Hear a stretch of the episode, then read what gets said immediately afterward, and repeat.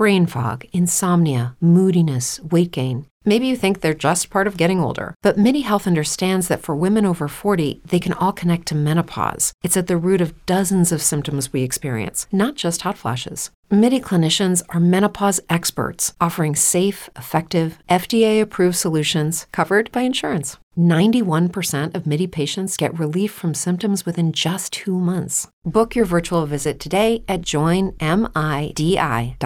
Və dostlar, bəli, bu gün İctimai Radionun 17 yaşı tamam olur. Və nə yaxşı ki, mənim də yolum burada keçir və bu yol ayrıcında biz İctimai Radio ilə əməkdaşlığımızı davam etdiririk. İctimai Radionun 17 yaşı münasibəti ilə bu gün mən sizə 5 nəfərə aranızdan 5 nəfərə 4 litr kastrol mühərrik yağı da hədiyyə edəcəm. Amma bu gün biz həm də öz mövzumuzu davam etdirəcəyik. Vəziyyət dəyişməyib. Yeni şəhərdə sürüşkən, buzlu, qarlı hava şəraiti davam edir və yolların boş olması onu göstərir ki, bəzi sürücülər qərar veriblər ki, maşını ilə yola çıxmasınlar. Ə, niyə bunu həmişə eləmirsiniz? Yəni sizi həm də məndə belə bir fikir formalaşdı. Bəzi sürücülər tıxacda vaxt itirməyə üstünlük verirlər, amma maşınlara əzilsin istəmirlər. Tıxacda qalım, vaxt itirim falan elib, ay maşıma bir şey olar, ə, buzlu sürməyim deyirlər. Bəlkə də yaxşıdır, bəlkə də pisdir. Amma avtomobil əziləndə sığorta gəlir çıxır. İcbari sığorta ə, sən ödəniş etməlidir, kasko sığortan olmalıdır və s. və s. və s. Və mən bu gün sən sizin sizinlə sığortadan da danışmaq istəyirəm. Yəni 5 nəfərə 4 litrlik kastrol mühərrik yağı bu gün veriliş boyu oynanılacaq. Həmçinin sığorta ilə hansı problem yaşamısınız? Dünən bizim efirdə ardı-ardı kəsilmədən, ardı kəsilmədən ə, bizdən soruşurdular. Mənim avtomobilimi icbari qaydada sığortalamırlar. Niyə? Bu gün verilişdən təxmini 1 saat bundan öncə TikTokda canlı yayım elədim. 20 dəqiqə ərzində bir 20-yə yaxın sual gəldi ki, mənim maşınımı niyə icbari qaydada sığortalamırlar? Ona görə mən sizdən soruşmaq istəyirəm. Sığorta ilə hansı problemi yaşamısınız? 404 11 22 zəng edirsiniz. 050 730 20 10 WhatsApp nömrəmizdir. Səslə mesajlarınızı göndərə bilərsiniz. Yol hərəkəti ilə bağlı ürəyiniz hardan istəyir sual verin, cavab verəcəm və İctimai Radionun 17 yaşı münasibəti ilə aranızdan 5 nəfərə 4 litrlik mühərrik yağı da hədiyyə olunacaq.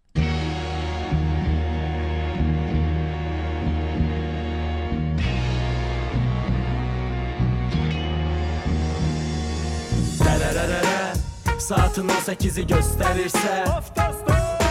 Dərərərərə Yeni efirdən ondan öğrenirsen DJ Turan Yine hamı köklenip 90 FM'e Çünkü yolda başkası yalandı.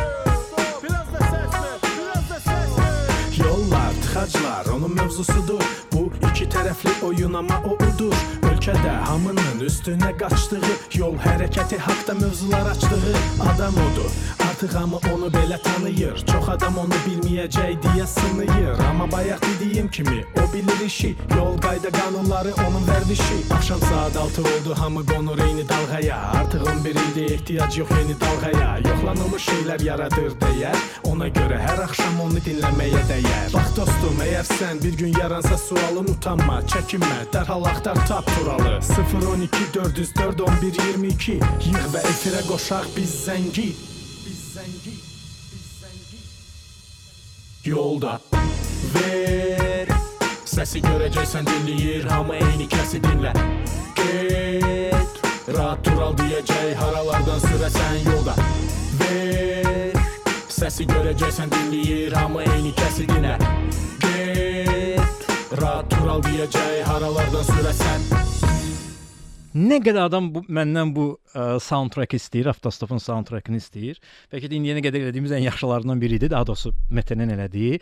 Ə, bir 13 ildir Promote ilə biz əməkdaşlıq eləyirik. Ə, həm dostluğumuz var, həm də ki, verilişimiz üçün soundtrackləri və bütün musiqi tərtibatını Promote hazırlayır. Belə, başladıq.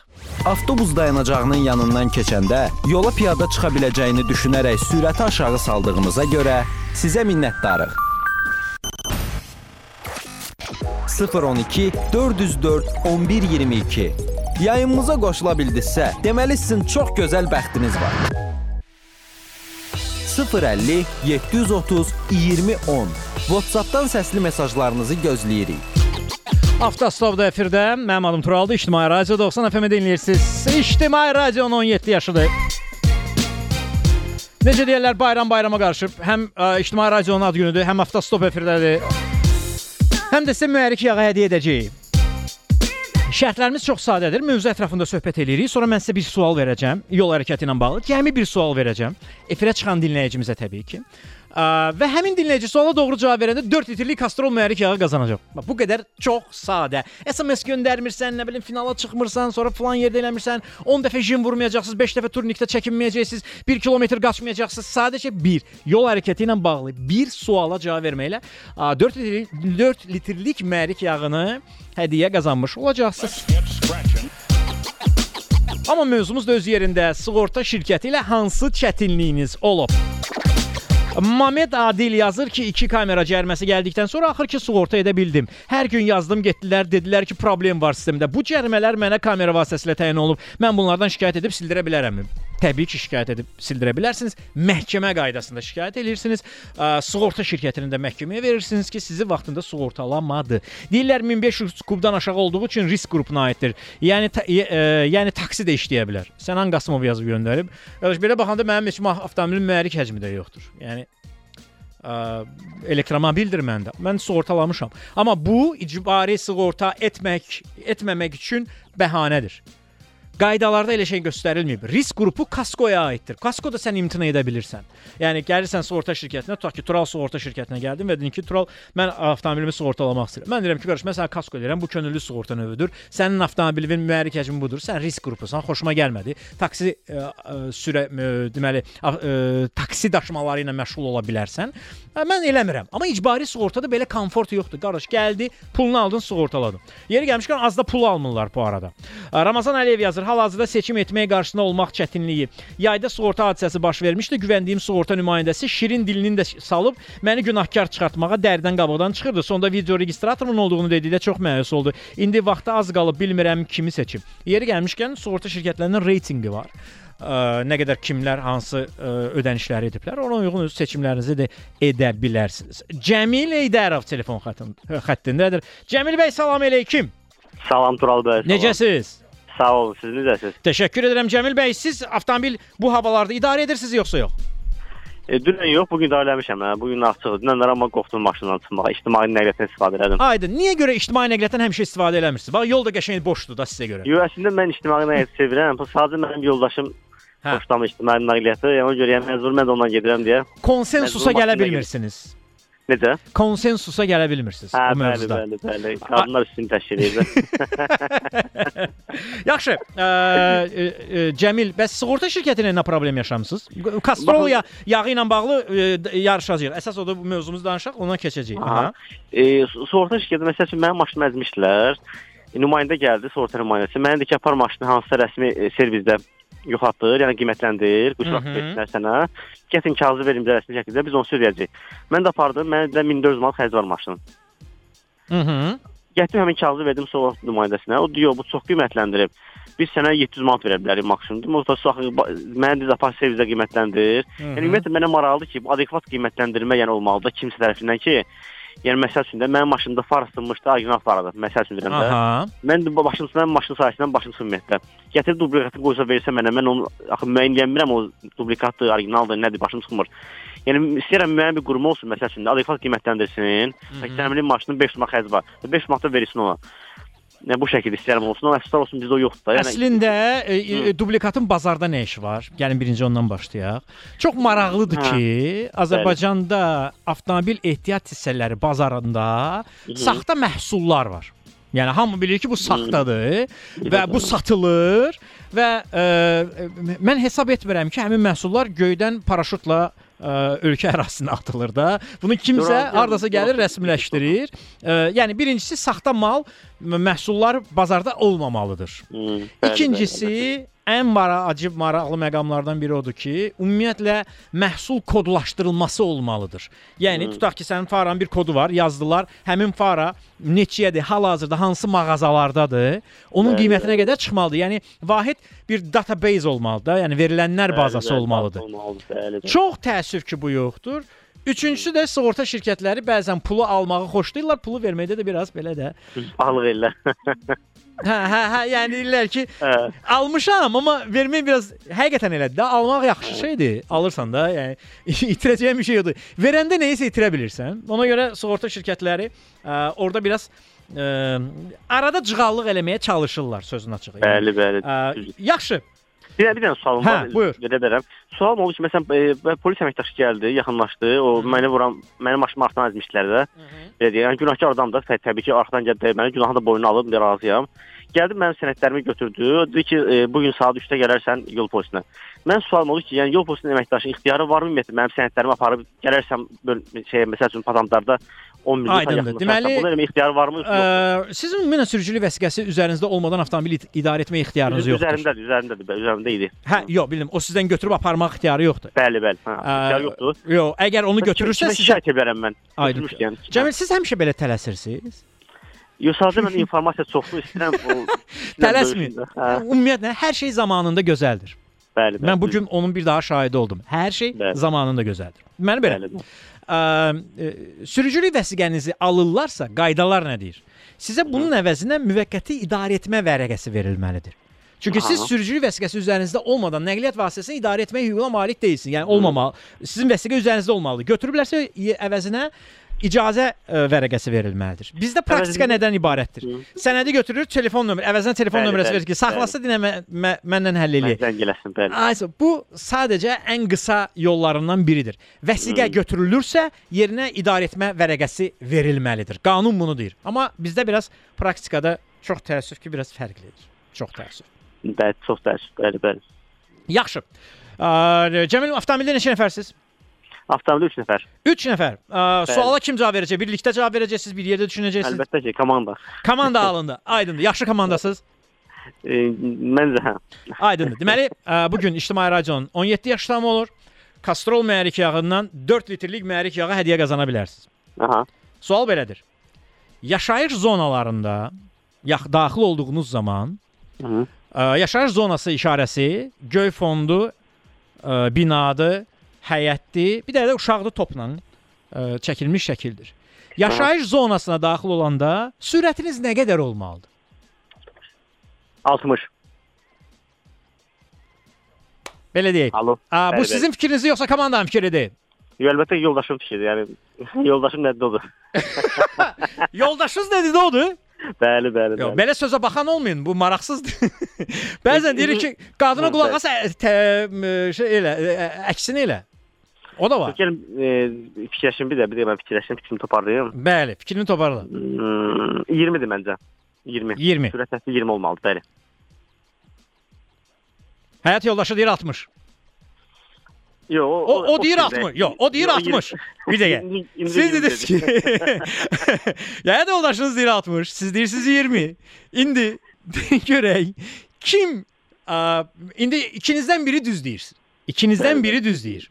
İndi bəli, bəli. mühərrik yağını qazandıran sualın doğru cavabını kim deyir onu birazdan biləcəyik. İndi siz həyat yoldaşınızın dediyinə razılaşırsınız yoxsa öz sonuncu dediyinizlə?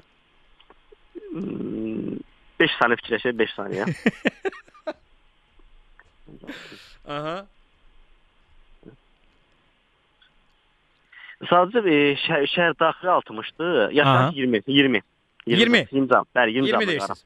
Bəli, 20 bəli. Aydındır. Kim e, birinci avtomobil idarə etməyə başlayıb ümumiyyətlə həyat yoldaşınız daha tez öyrənib yoxsa siz başlamısınız? Bəli, bəli. Yəni sizin təcrübəniz daha çoxdur. Təcrübəm daha çoxdur, amma nəzəri birlik yoldaşında daha çoxdur. Yəni bunu bilirəm, qəbul edirəm. Ha, amma siz onun əksini deyirsiniz. O deyir 60, sən- sən deyirsən 20. Bu dəfə, bu dəfə əks yerəm yoldaşıma. Çox çətindir mən, amma məcburam belə. Bəli, müsabiqəmizin adı Ailə Dağdan müsabiqə deyil, amma siz düzünü deyirsiniz axı. 4 litrlik kastrol mühərrik yağı sizə hədiyyə. Düz deyirlər də. Yox, qadına qulaq as əksini elə. Yəni belə.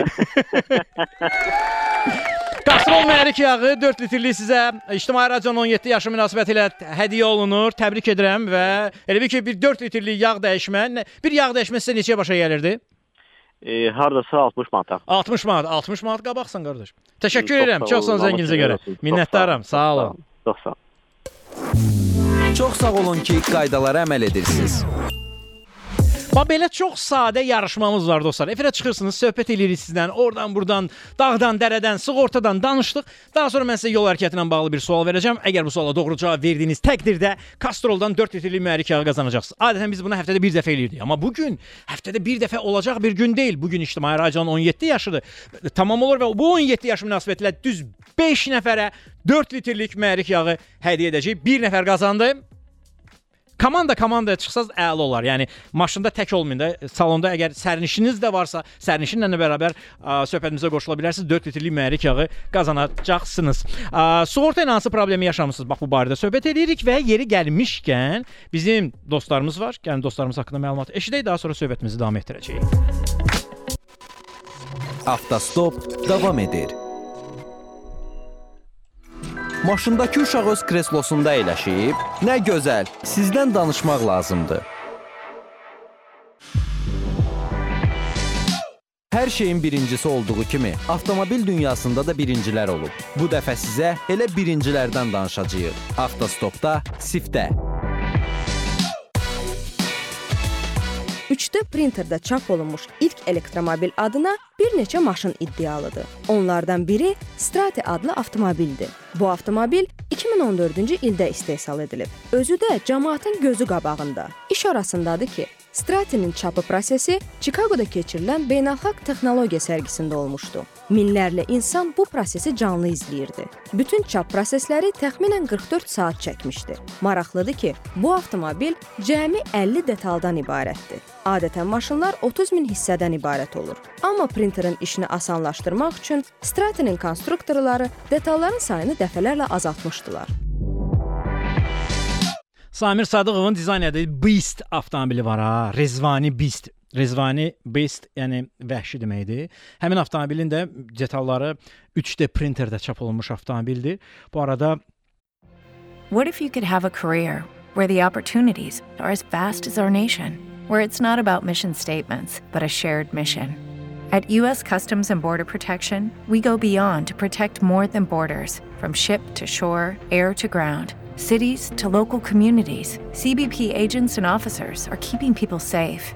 Join U.S. Customs and Border Protection and go beyond for something far greater than yourself. Learn more at cbp.gov/careers.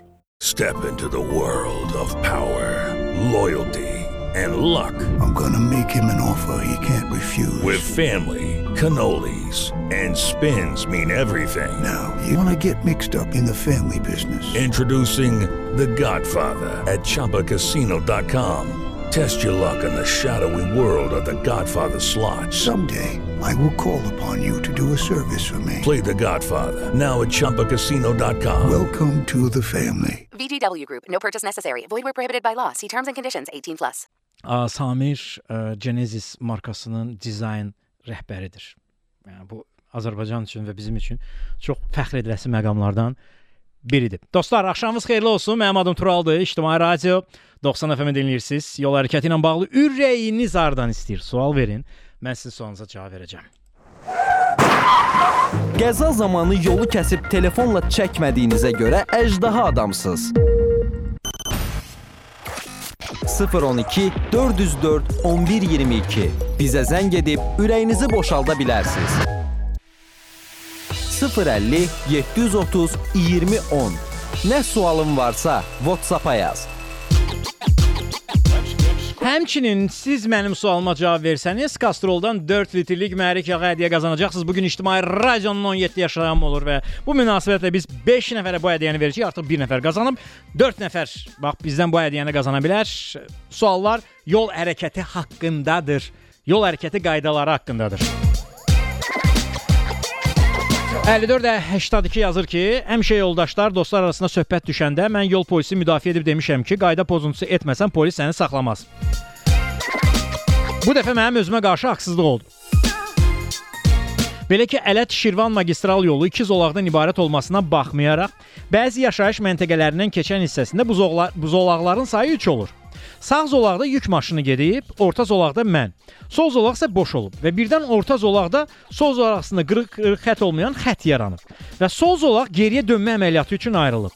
Mən isə zolaq üstünə çıxmadan, təbii ki, dönmə işığını yandırmadan orta zolaqla yolumu davam etdirmişəm. Kamera elə yerdə quraşdırılıb ki, ancaq düz gedən iki zolağı çəkir geriyə dönüş edən yolu yox. İlk baxışdan belə çıxır ki, mən dönmə işığını yandırmadan ötmə əməliyyatı edirəm. Amma həqiqətən yuxarıda yazdığım həqiqət yuxarıda yazdığımdan ibarətdir. Yol polisi də Nəvai məntəqəsində məni saxlayıb qayda pozuntusunu edimir. Qayda pozmadığımı necə sübut edim? Ümumiyyətlə belə yol ayrıclarında sürücü nə etməlidir? Onda qeyd edim ki, güya etdiyim qayda pozuntusunu sistemdə qərarsız olaraq saxlayırlar. Əgər doğrudan da qayda pozuntusu etmişəmsə, onda niyə görə qərarımı vermirlər? 5482. Birincisi, kamera vasitəsilə aşkara çıxarılan qayda pozuntularını yolda saxlayıb tələb etmək, tərtib etmək olmaz.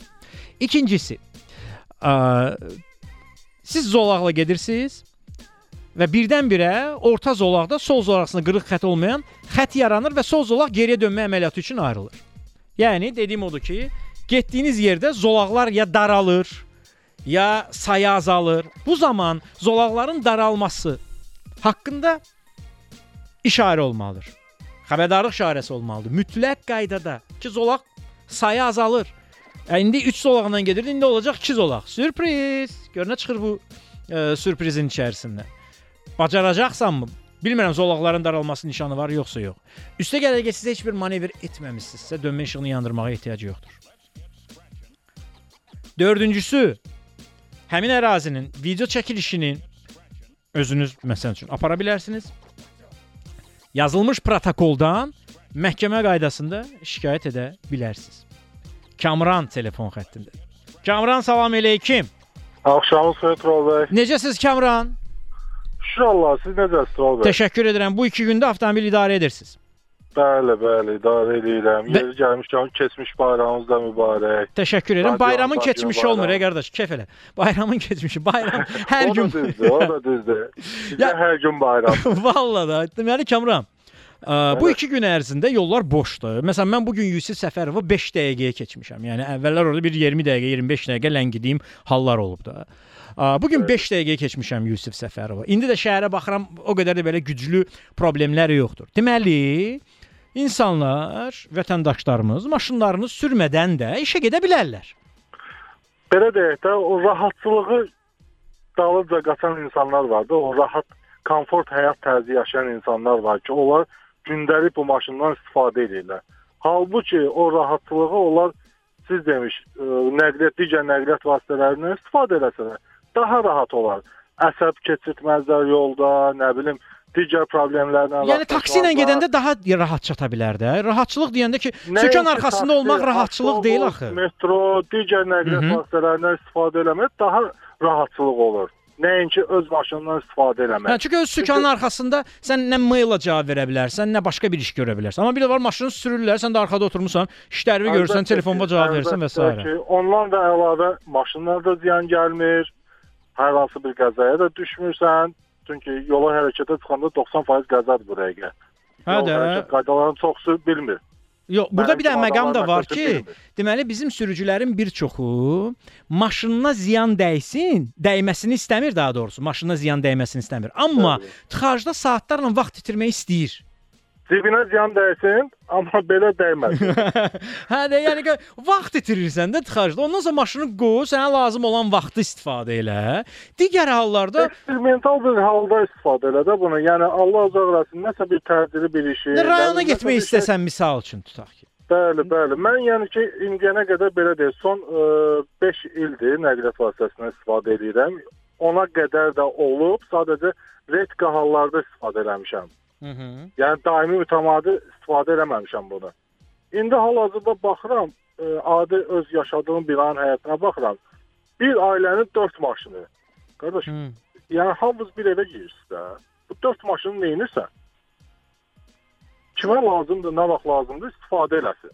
Hə də məsələ ondan ibarətdir ki, bu hava şəraiti həm də göstərdi ki, avtomobil olmadan da alternativ nəqliyyat vasitələrindən istifadə eləməklə iş başına getmək olar. Bəli, bəli. Mən bu gün şəxsən ə, belə deyək, ə, şəhərdə ə, hardasa bir 150 kilometrə yaxın yol qət eləmişəm. Çox rahat, sərbəst. Hə, belə super. Yaxşı Kamran, Deyir, qoy həmişə şaxta olsun. Kamran, və sığorta ilə hansı problemi yaşamısınız? Sığorta ilə mən bir problem yaşamışdım dekabr ayında, dalinin dekabr ayında belə deyək.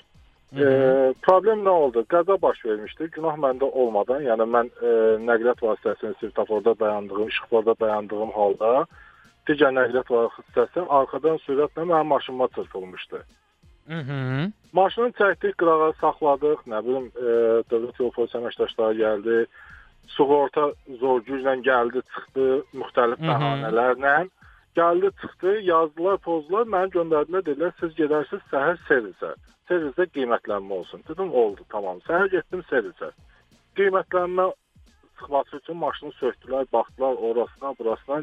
Filan yazdılar, pozdular, dedilər, sığortaya yaxınlaşın. Orada sizə məlumat verəcəklər. Mhm. E, hardasa bir həftə keçdi, bunlardan bir xəbər çıxmadı. Özüm zəng vurdum ki, bəs belə-belə hadisə olub, ad familiyam budur, bəs məni nə vaxt çağıracaqsınız? Hə, sabah vaxtınız varsa gəlin. Dedim, ay yaxşı özüm zəng eləmişəm. Yoxsa siz zəng eləməzdiniz. Durdum, getdim sığortaya. Sığortada açıq e, belə deyək, e, 8-ci kilometr bazarında necə topdan satış pərakəndə bazar olur. Mhm. E, 5 kisə kartoşka alan neçədən verərsən? Elə bir bazar elədilər məndən. Hə 2300 manat sizə pul yazmışıq. Sərf eləyir. Mənə sual ver. Deyirəm qardaş, Onlar maşına baxış Onlar- keçirməyiblər ki. Baxış keçirdiblər. Qiymət yazıblar. Qiymət çox çıxıb. İndi məndən qiymət öyrənmək istəyirlər ki, yəni bu qiymət mənə sərf edirsə, bu qiyməti yazın verim, çıxsın getsin. Mhm. Deyirəm qardaş, xeyr, mənə sərf eləmir. Mənim maşınım 2021-ci ilin maşınıdır. Cəmi 17 min yol gedir. Nə qədər ziyan dəyib, o nə qədər deyirdi? E, mənim maşınıma harca 6500 manata yaxın ziyan dəyib. Uyda. O nə qədər verirdi? Yəni 5000 2300 manat mənə təklif edirdi. o maksimal həddi 5000 manatdır onun. Bəli, maksimal həddi də 5000 manatdır. Mən də başa salıram, izah edirəm ki, qardaş, yaxşı, istəmirəm, heç bir məbləğ istəmirəm. Maşınımı qoyuram sizin Servisə. e, avtoservisə. Təmir edin. Amma orijinal detallarla təmin edin. Qardaş ki, mənə e, izah edir. Orijinal detallarla təmin eləmək üçün siz bir müddət gözləməli olacaqsınız. Deyirəm, niyə? Detallar gəlib çıxmasın. Deyirəm, qardaş, mən sürdüyüm üzrsən belə e, çıxmasın. Bahalı maşın deyil ki, adi Azərbaycan istehsalı olan xəzər maşınıdır. Onun da detalları var. Var. Yəni bu deyim ki, nəsə hansısa bir qeyri-adi model sürmürəm ki, Hı -hı. siz bunu sifariş verəsiniz, aylar keçər, zaman keçər ki, bu sifariş Neçə müddətdir belədir? e, belə deyək də e, bu ilin ayının 5-də onlar axır ki, belə deyək, biraz e, Maliyyə Naziri hesablama palatası nəsə belə bir sığorta tabi ora tabidir. Hala. İcbari Sığorta Bürosu, Mərkəzi Bank. Mərkəzi Bank Hə. İcbari Sığorta Bürosu. Aha. Ora müraciət elədim məktub şəklində. Ora müraciət eləyən günün hardasa 3 günündən keçdi bayram ərəfəsi. Yeni ilin ilk iş günündə onlar zəng elədi, məni çağırdı. Çağırdılar, hə gəlin müəllim biz yenidən hesabladıq qiyməti, nə bilim nə nə nə. 4000, 5000 yazıldı, 4800 nə qədərsə hesabıma pul köçdü. Deyirəm, deyirəm ki, gərək kimsə kiməsə zəng eləsin hə burada, hə? Hə, o Zəngsiz olmur da. Zəngsiz olmur da, alınmır da. yəni. Mütləq kiməsə zəng. Ki, deyirəm qardaş, bax sən e, mənə maşını sığorta elətdirmək üçün mənim sığortam qutarmamışdan bir həftə 10 gün qabaq hər gün səhər tezdən günorta axşam üzr istəyirəm həyat yoldaşım heç mənə o qədər zəng eləmir. Nə yemisən, nə içmisən. Siz mənə zəng eləyirsiniz ki, maşını bizdə sığorta elətdirin. Deyirəm budur sizin sığortanız. Mən dedim ikinci dəfə burada sığorta elətdirməyəcəm. Düz deyirsən. Yaxşı xidmət göstərmirlərsə sığorta şirkətini dəyişmək lazımdır. Kamran, Əlbəttə ki, mənəcə ehtiyac olmaz. yağ dəyişməyə nə qədər pul xərcləyirsən? Sol bəy, yağ dəyişməyə hardasa belə deyək, e, 70-80 manat civarında. 70-80 manat civarında xərcləyirsən. Bəli. Ə, bu o deməkdir ki, 70-80 manat qabağa düşə bilərsən. Sadəcə bu dəqiqə mənim verəcəyim suala doğru cavab versən. İnşallah çalışarıq. Mən biraz o barədə çətinlik çəkəcəm. Niyə? Çətin falan çəkən deyilsən, narahat olma. Çox asan. Mənim hər gün efirdə danışdığım məsələlərdir. Kamran təsəvvür edək ki, yol Bəli. polisi getdiyiniz yerdə yol polisi saxlayır. Bəli. Sağa ver saxla gəldi. Sizi dəvət edir ki, vətəndaş, mən sizi alkotestdən keçirtmək istəyirəm. Şübhəli gəlirsiniz, spirt iyi gəlir. Siz də deyirsiniz ki, mənim maşınımda sərnişin əyləşmişdi. Çox pis içmişdi. Onu çox rahat hə, daxil edir. çox o, onun çox pis iyi gəlirdi. E, onun iyidir. O deyir ki, okey, Amma bir spirtli qoxu iyi gəldiyinə görə bu şübhələnməyə əsas verir ə, və biz sizi yoxlamaq istəyirik. Deyin görək Alka-Testerdə nəticə minimum neçə olmalıdır ki, daha doğrusu neçədən yuxarı olmalıdır ki, siz sərxoş hesab ediləsiniz. Səhv eləmirəmsə 0.5 promildən yuxarı olmalıdır, səhv eləmirəmsə. Mən mən bu gün e, kimisə belə əli boş yola salmaq istəmirəm. Ona görə tələsmədən cavab versəniz, bir fikirləşsəniz. Ola bilsin ki 0.5 promil hansısa e, başqa bir ölkədə olsun, o sizin oradan yadınızda qalsın. Amma mən elə bir şey deməmişəm axı. Mənim yadımda nəsə elə bir şey qalıb. Sizin yadınızda qalma görsməsin dedim. Mən heç kimi əli boş yola salmaq istəmirəm. Ona görə sənə şans verirəm ki, sən bir bir də düşünəsən ki, yol polisi məni saxlayır, mənə alkotesteri uzadır, oradan qəbz çıxır. O qəbzdə ki, proses bu cür getməlidir bu arada. O qəbzdə neçə promildən yuxarı olduqda mən sərxoş hesab oluna bilərəm. Olsun 1.5 promil yuxarı. Cavan təsəvvür edə bilirsiniz promil nə qədərdir? Yo. Onda niyə niyə deyirsən də bu? Sadəcə eşitdiyimi deyirəm ona görə. Ha, Dedim, biraz amma azalt da, yəni azalt da. Bax birinci dediyi biraz azalt da. 0.3 yaxşı. Qəbul edirəm ha. Qəbul edin. Və deyirdiniz cavab asan verəcəm. Nə bilim valla. Tələsmə də, bax qardaş, tələsmə də. 0.03 promil, bəli.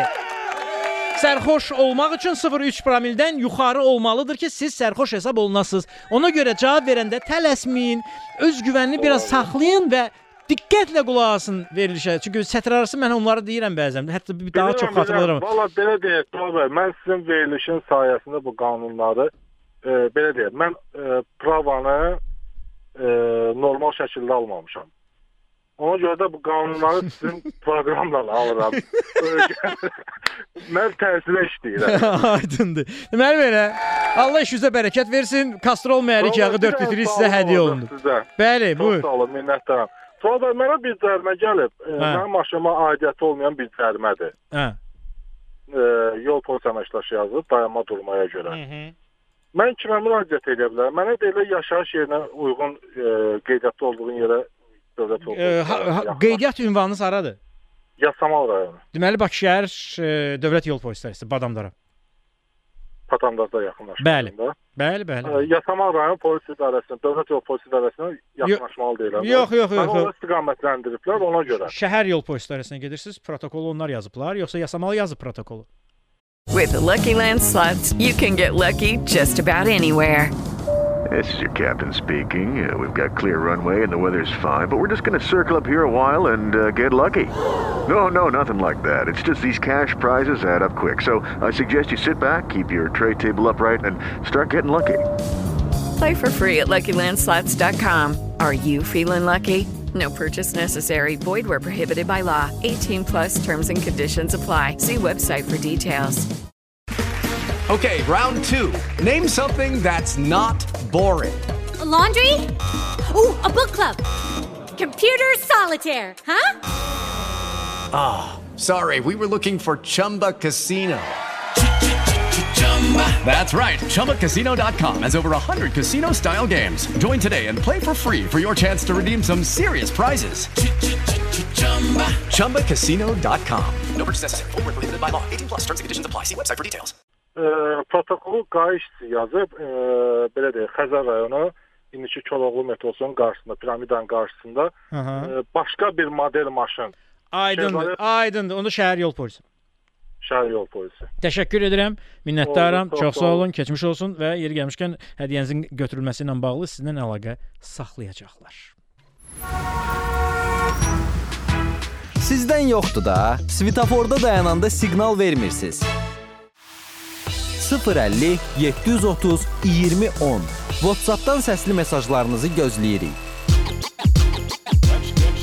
Avtostopda efirdə mənim adım Turaldır. İctimai Radio 90 FM-i dinləyirsiniz. Yol hərəkəti ilə bağlı ürəyiniz hardan istəyir sual verin. Mən sizin sualınıza cavab verəcəm və bu gün aranızdan 5 nəfər 4 litrlik kastrol mühərrik yağı da qazanır. Yeri gəlmişkən artıq 2 nəfər bu mühərrik yağını hədiyyə qazandı. Çünki bu gün İctimai Radionun 17 yaşı tam olur. Və bu gün biz sığortadan danışırıq. Dünən söz vermişdim. Çoxlu sayda şikayətlər var idi sığorta ilə bağlı. Sığortada hansı problemi yaşamısınız? Sualların bir çoxu ondan ibarət idi ki, bizim avtomobili sığortalamaqdan imtina edirlər. Bu gün TikTokda da canlı yayım 20 dəqiqə canlı yayım elədim qardaş. Bir 20 dənə sual gəldi ki, mənim maşınım 1.4-dür, 1.5-dir, 1.3-dür, 1.6-dır. Avtomobilimiz icbari qaydada sığortalanmalılar. Hüququ varmı? Xeyr, hüququ yoxdur. İcbari sığorta şirkətinin sizə imtina etmək hüququ yoxdur. İmtina edirsə bunu yazılı formada eləməlidir. Versin yazılı formada, verin onu məhkəməyə və ə, qaydaları, icbari sığorta qaydalarını riayət etmədiyinə görə hətta lisenziyasından da məhrum edilsin. Bunu da eləmək mümkündür. Yəni qardaş sərf eləmirsən sığorta işlətməyə, sığorta şirkəti işlətməyə. Qardaş bağla da bunu da. Mənim avtomobilimin 100%lik kasko sığortası var. Bu yaxınlarda mənim avtomobilimi hardasa sol tərəfini arxadan qabağa qədər cızıblar, elə bil yazıblar. Mən sığorta şirkətinə zəng eləmişəm. Sığorta şirkəti baxış keçirib və bugünkü günü mənim avtomobilimin 4 detalını rəngləmək üçün e, 355 manat sığorta xərci çıxardıblar. Velocruzdur, onu deyim ki, sizə qara rəngdə Beskraskada maşın idi. Boya dəyməmiş bir avtomobil idi. 355 manat pul çıxardıblar, işçilik haqqı və onun da ki e, 250 manatını mən ödəməliyəm, 105 manatını bunlar ödəməlidir. Bu nə dərəcədə doğrudur? Detalın birini 70 manata rəngləyirlər. Hansısa bir arabanın mı bir tərəfini heç o qiymətə, bir detalını o qiymətə rəngləmirlər. Bu nə dərəcədə doğrudur sizcə? Yeri gəlmişkən rəng qiymətlərindən xəbərim olmadığına görə qiymət barəsində bir şey deyə bilməyəcəm, amma sizə düşən hissəsi franşiza adlanır, yəni azad olunma məbləği. Ondan təəccüblənməyin, çünki siz ə, kasko sığorta alanda, kasko sığortada ə, azad olunma məbləği göstərilib. Siz ola bilsin ki, azad olunma məbləğini ümumiyyətlə istəməyəsiniz və qardaş hamısını sən ödəyəcəksən. Elə hissə var ki, sürücü deyir ki, qardaş 300 manata qədər olan hissəsi olarsa, daha səni incitməyəcəm. Özüm həll eləyəcəm. 300 manatdan yuxarı olan hissəsini isə sən edəcəksən. Bu da ola bilər. Çox güman ki, o 200 neçə manat dediyiniz məsələ məhz franşiza, azad olma məbləğinə düşür və siz müqavilə kasko sığorta müqavilənizlə tanış olmamısınız. Cızıblar, deməli, ə, belə deyək, cilalanmaqla gedəcək bir şey olmadığına görə artıq ona rəng vurulması ehtiyacı yaranır. İndi siz nə alternativ nə təklif edirsiniz? Rəng vurmadan necə eləsinlər? Əgər o cilalama ilə çıxmırsa. Ə, bu arada parkinqlərdə belə şeylər var, hə. Kimsə kimdənsə xoşu gəlmir, götürür açarla əvvəldən axıra qədər cıza-cıza gedir. Hə, niyə elirsən? Bax, sadəcə mən məntiqi başa düşmək istəyirəm. Okay, sən mənim əmlakıma bax bunu elədin. Nə qazandın? E, uzaq başı mən bir 300 manat xərcə düşdüm və cibivə nə girdi? Eqavı sakitləşdirirsən. Deyirsən ki, mənim hə, mən sənə bu ziyanı vurdum. Normal qaydada əgər adamdan xoşun gəlmirsə, üzbəyə çıxırsan, deyirsən ki, mənim səndən xoşum gəlmir. O da sənə desin ki, qardaş, vəlla mənim də səndən xoşum gəlmir elə. Onun sənin şəkli istəyib evində ə, masanın üzərindən asası deyiləm ki. Yəni xoşun gəlmirsə, bir əgər bir adamdan səbəbsiz yerə xoşun gəlmirsə, səbəb axtar. Səbəb bəlkə sən özünsən. Nəyə həmin adam səndə qıcıq yaratsın ki? Bəlkə sən özün natamamsan. Ona görə səbəbsiz yerə kimdənsə xoşun gəlmir. Mənim Peyda cəriməm var. Həmin o cəriməyə də ki, artıq dekabrda yazılıb. Ona bir, bir aydan çoxdur artıq baxılmır. Mən şikayətimi bildirmişəm. Həmin cərimə ilə mən razı deyiləm. Razı olmadığıma görə. Mənə yəni heç bir səbəbsiz, sübutsuz falan mənə 60 manat 3 bal cərimə yazılıb. O da ki, məsələ də belədir ki, mən qarşıdan gələn nəqliyyat vasitəsini ötürüb sola dönmə əməliyyat etmək istəyirəm. Polis inspektoru məni saxlayıb mənə belə bir cərimə tətbiq edib. Mən 102-yə də yığılmışam, Daxili İşlər Nazirliyinə də ərizə yazmışam. Yəni bu məsələyə baxılmır. Zəhmət olmasa bununla bağlı məhkəməyə deyərsiniz. Əgər ə, yazılı surətdə müraciət eləmisinizsə, yazılı surətdə müraciət etmisinizsə və yazılı surətdə müraciət etdikdə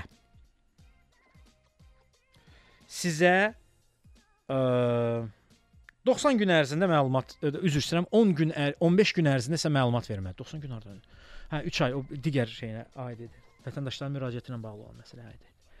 Protokoldan şikayətə 15 gün ərzində baxılmalıdır. 15 iş günü ərzində. Əgər 15 iş günü ərzində baxılmayıbsa, siz prokurorluğa müraciət edərək, müraciətinizə baxmayıb sizə cavab verməyən şəxsin 400 manat miqdarına qədər cərimələnməsini istəyə bilərsiniz. Maşını Azərbaycana özüm gətirmişəm, Amerikankadır. E, Meyvəli də gömrük eləyəndə mənə uzun nömrə veriblər. Maşın Amerikanka olduğuna görə kvadrat nömrədir. Onun bir tərəfinə, qabaq tərəfinə mütləq qaydada kvadrat nömrə bağlanmalıdır. E, Nömrə də uzun nömrədir. Mən onu sonradan bilmişəm. Bu problemi həll etməyə çalışdım, amma nəsə bağlandı ora, nəsə gec oldu, qaldı. Bilmək istirdim qanun bu barədə nə deyir? Harasa bir təzədən yaxınlaşıb, hansısa bir rüsumu ödəyib nömrəni kvadrat nömrəyə çevirə bilərəm yoxsa yox? Qanun bu barədə susur. Qanunda belə bir şey yoxdur. Çünki qanun nömrənin kvadrat və ya düzbucaq olması ilə bağlı bir şey demir ki, kvadrat olanda kvadrat yerləşdirin. Əgər yerləşirsə uzunsov və əyilmirsə və görünəndirsə uzunsov da ola bilər, yəni düzbucaqlı şəklində də ola bilər. Amma kvadrat nömrə standartı var.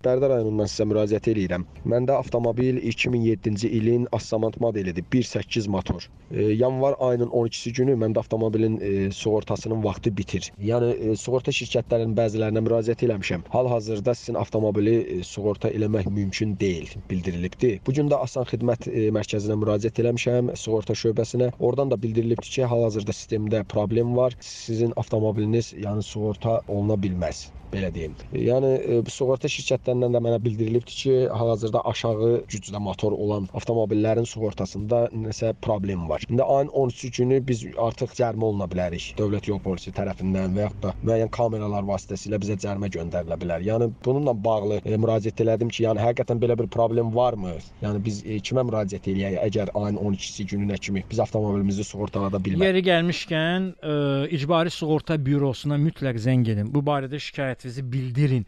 Hansı sığorta şirkəti sizə yalandan bəhanə gətirib o haqqda məlumat verin. Qardaş, ola bilməz ki, hər gün icbari sığorta ə, sığortaların qeydiyyatı ə, sistemində problem yaransın.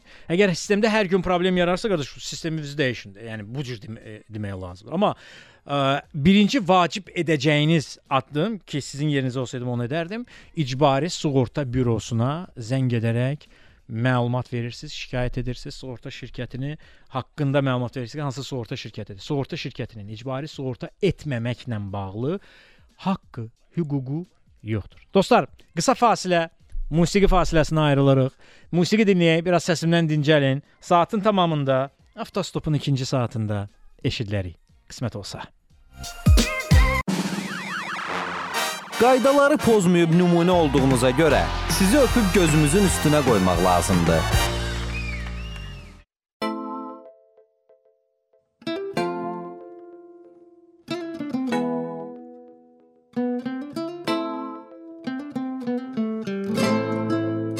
Kölə yolu bəsərəm, yolunu kəsərəm, rəqs edib tellərində öpərəm yanağından məsələn. Sarılaram olmaz xəbəri, çox darıxmışam bunu bil.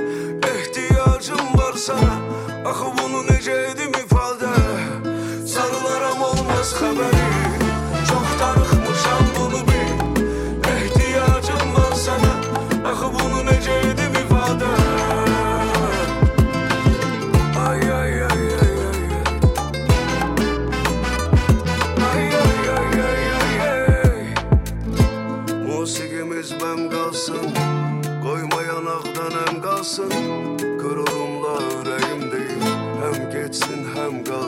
Musiqimiz bəm qalsın, qoyma yanaqdan həm qalsın. Qürurumla ürəyim deyil, həm getsin, həm qalsın. Kölə yolu bəsərəm, yolunu kəsərəm.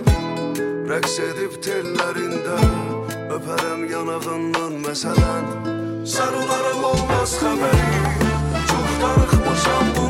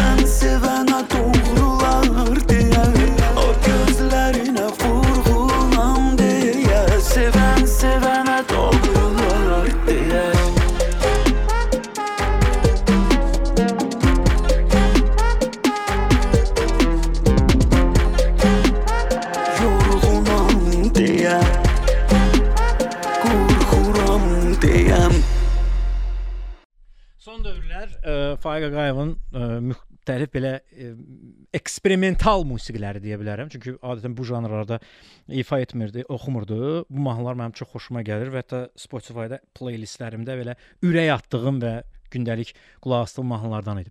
Saatlarınızı düzəldin çünki Bakıda saat 7 tamamdır. Və bu gün İctimai Radionun 17 yaşı tamam olur. Təbriklərinizi qəbul etməyə hazıram dostlar. Ə, mən yəni sonuncu verilişdir bu gün Avtostop və bundan sonra bir, yalnız ancaq musiqi dinləyəcəyiz Avtostopda. Bir də səhər-səhər Mampası saat 8-də yenə Fatih və Rəvansi salınacaq. Onlar öz təbriklərini qəbul ediblər. Növbə mənimdir indi. İctimai Radionun 17 yaşı tamam olur və bu gün mən sizə Kastroldan 4 litrlik mühərrik yağlarını hədiyyə edirəm. Bəli, 5 nəfərə mühərrik yağı hədiyyə olunur. 2 nəfər artıq qazanıb, 3 nəfərdən biri də siz ola bilərsiniz. Bu gün həm də sığortadan danışırıq. Sığorta ilə hansı problemi yaşamısınız? Avtostopun ikinci saatına xoş gəldiniz.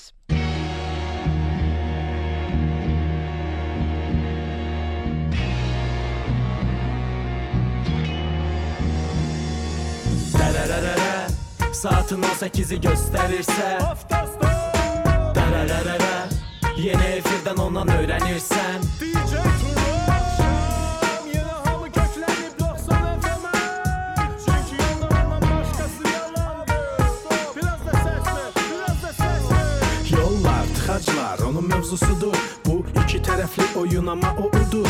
Ölkədə hamının üstünə qaçdığı Yol hərəkəti haqda mövzular açdığı Adam odur, Artıq hamı onu belə tanıyır. Çox adam onu bilməyəcək deyə sınıyır. Amma bayaq dediyim kimi o bilir işi. Yol qayda qanunları onun vərdişi. Axşam saat 6 oldu, hamı qonur eyni dalğaya. Artıq 11 ildir ehtiyac yox yeni dalğaya. Yoxlanılmış şeylər yaradır dəyər. Ona görə hər axşam onu dinləməyə dəyər. Bax dostum, əgər sən bir gün yaransa sualın utanma, çəkinmə, dərhal axtar tap turalı. 012 404 11 22 yığ və efirə qoşaq biz zəngi. Yolda. Ver. Səsi görəcəksən dinləyir Hamı eyni kəsi dinlə Get Rahat tural deyəcək Haralardan sürəsən yolda. Ver.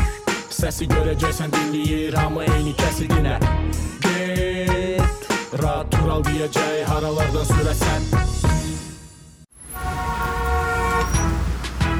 Sizdən yoxdur da. Svetoforda dayananda siqnal vermirsiniz. 012 404 1122 Yayımımıza qoşula bildinizsə, deməli sizin çox gözəl bəxtiniz var. 050 730 2010 Nə sualın varsa WhatsApp-a yaz. Avtostopda efirdə mənim adım Turaldır. İctimai Radio 90 FM-i dinləyirsiniz. Yol hərəkəti ilə bağlı ürəyiniz hardan istəyir sual verin. Mən sizin sualınıza cavab verəcəm. Və deyin görək, sığorta ilə hansı problemləri, hansı çətinlikləri yaşamısınız? Üstə gəlməsə mühərrik yağı hədiyyə edəcəm Kastroldan. Bu gün İctimai Radionun 17 yaşı tamam olur. Sona Heydərova telefon xəttindədir. Sona xanım salam eləykim.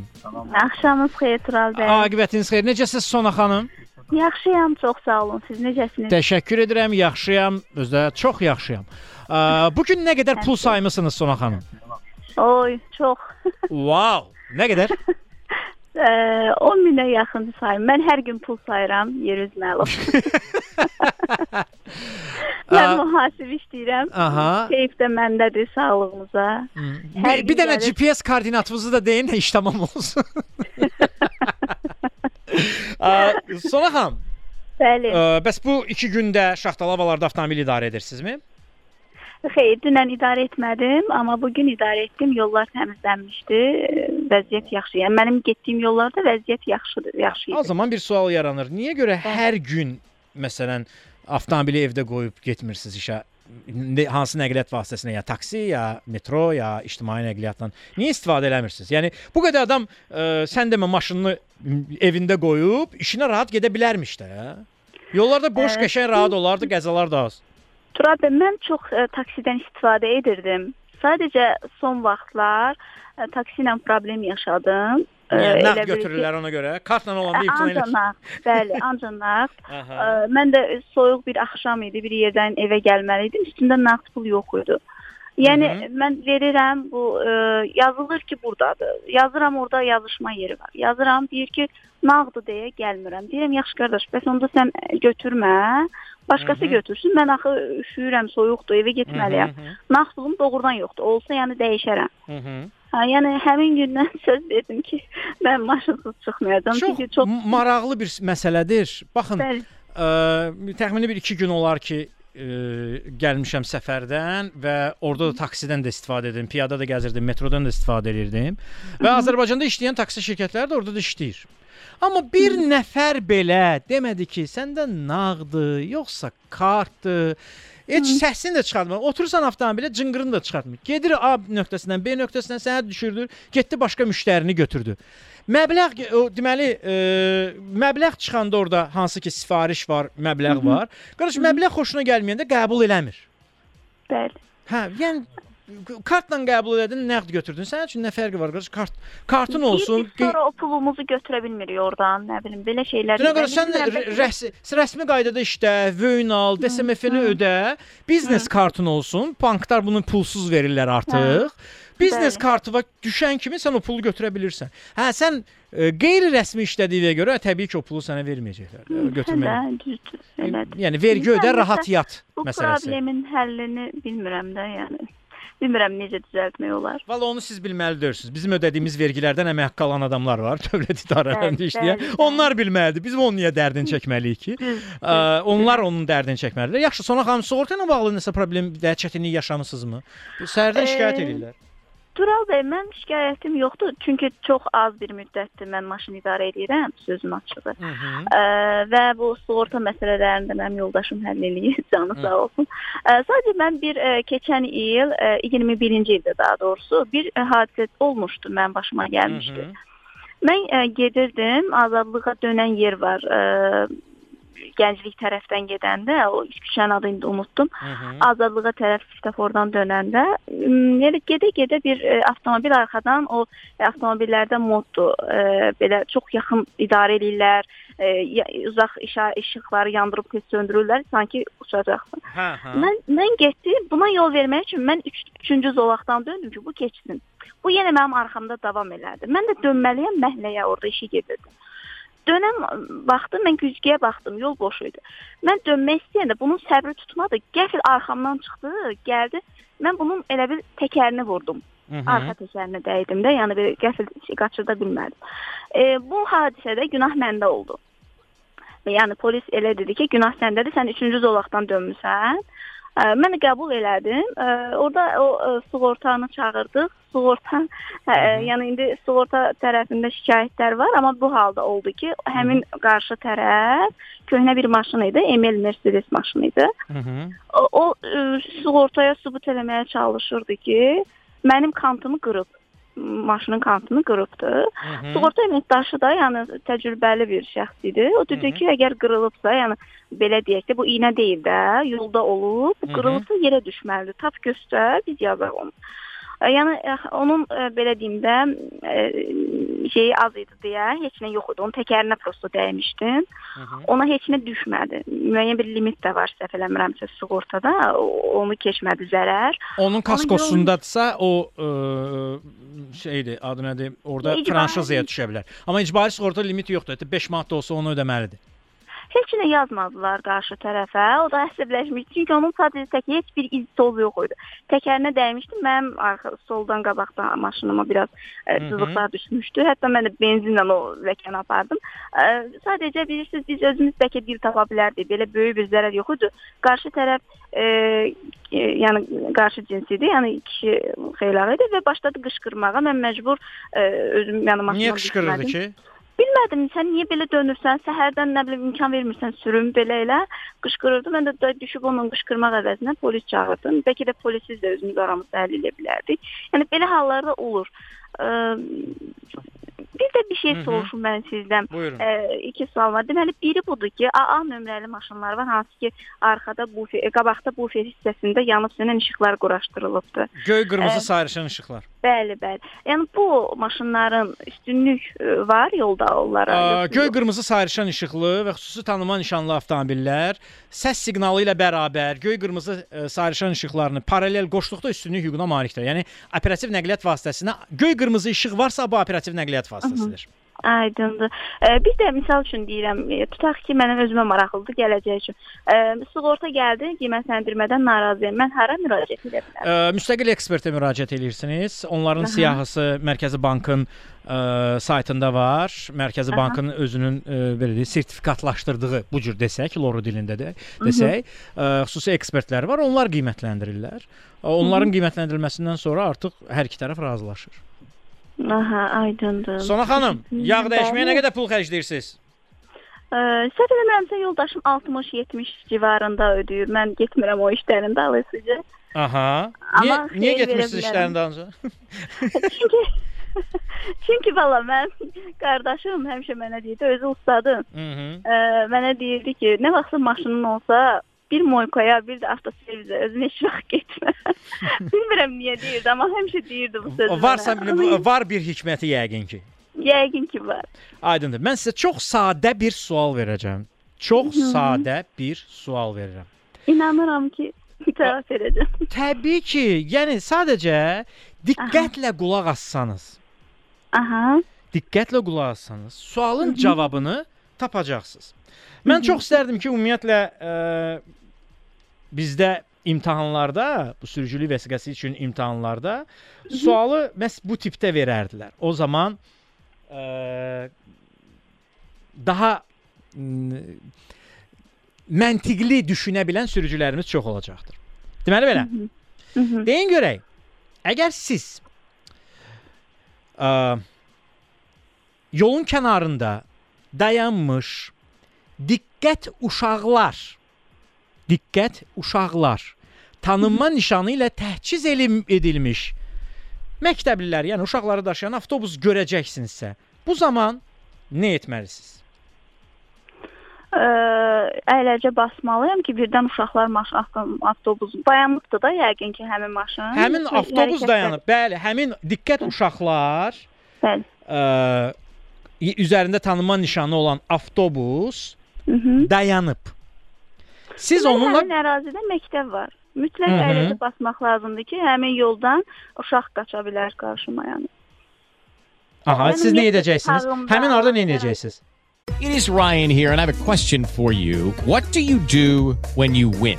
Like, are you a fist pumper, a woohooer, a hand clapper, a high fiver? I kind of like the high five, but if you want to hone in on those winning moves, check out Chumba Casino. At chumbacasino.com, choose from hundreds of social casino style games for your chance to redeem serious cash prizes. There are new game releases weekly, plus free daily bonuses. So don't wait. Start having the most fun ever at chumbacasino.com. No purchase necessary. Group. Void were prohibited by law. See terms and conditions. 18 plus. Hey guys, it is Ryan. I'm not sure if you know this about me, but I'm a bit of a fun fanatic when I can. I like to work, but I like fun too. It's a thing. And now the truth is out there. I can tell you about my favorite place to have fun Chumba Casino. They have hundreds of social casino style games to choose from, with new games released each week. You can play for free anytime, anywhere. And each day brings a new chance to collect daily bonuses. So join me in the fun. Sign up now at chumbacasino.com. No purchase necessary. Group. Void were prohibited by law. See terms and conditions. 18 plus.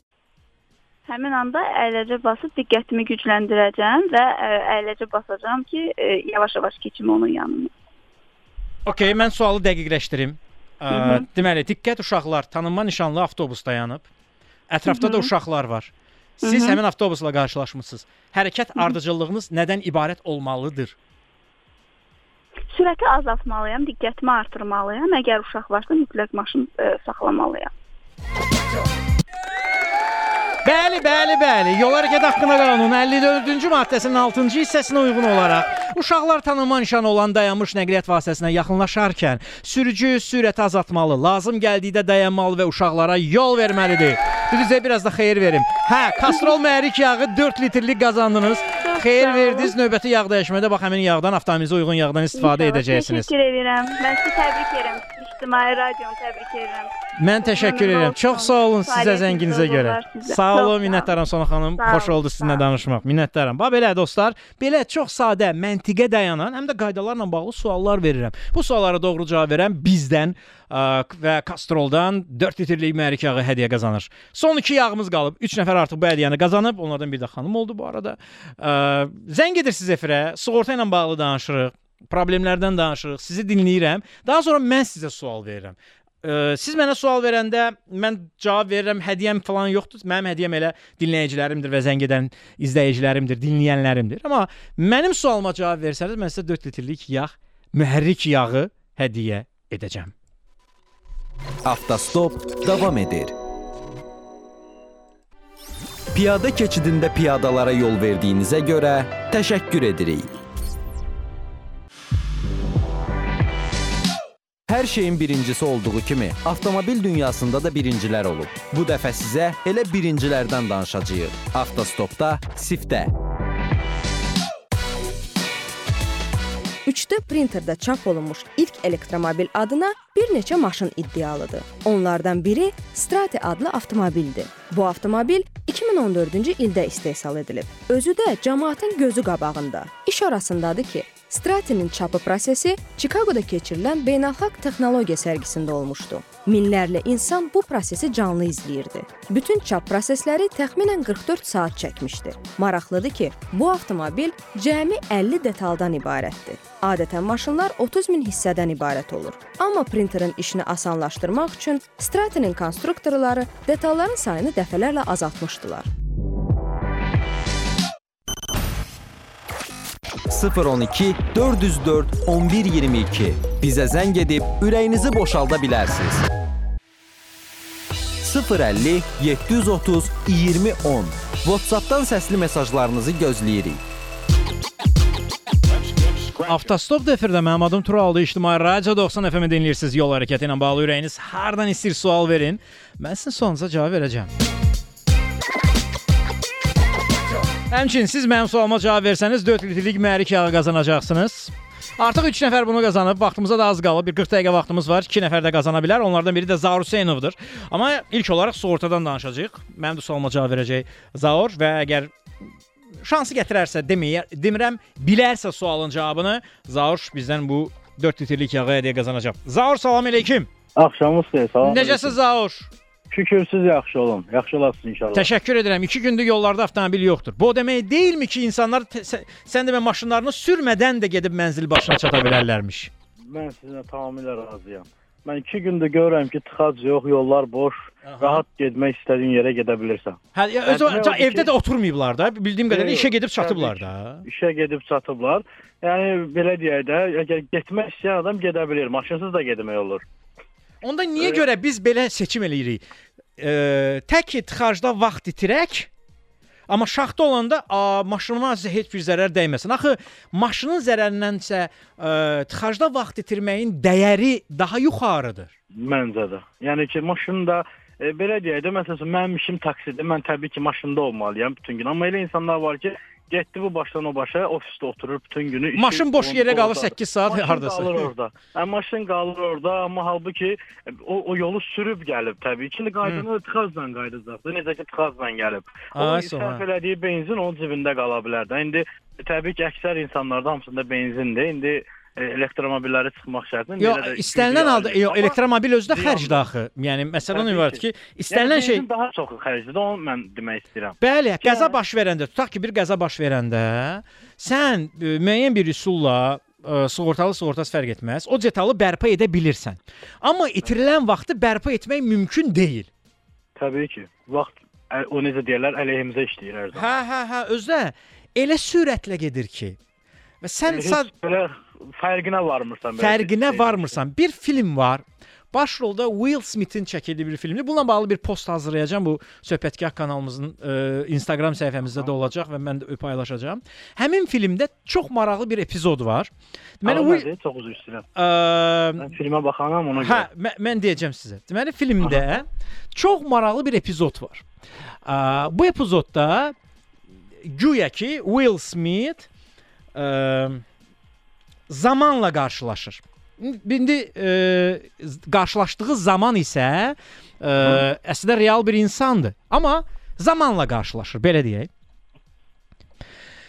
Zaman ona deyir ki, sən bax gör ə, zamanını nəyə xərcləyirsən? Nəyə gedir sənin zamanın? Ay sağ ol. Ə, filmin adı belədir. Ə, xəyali gözəllik.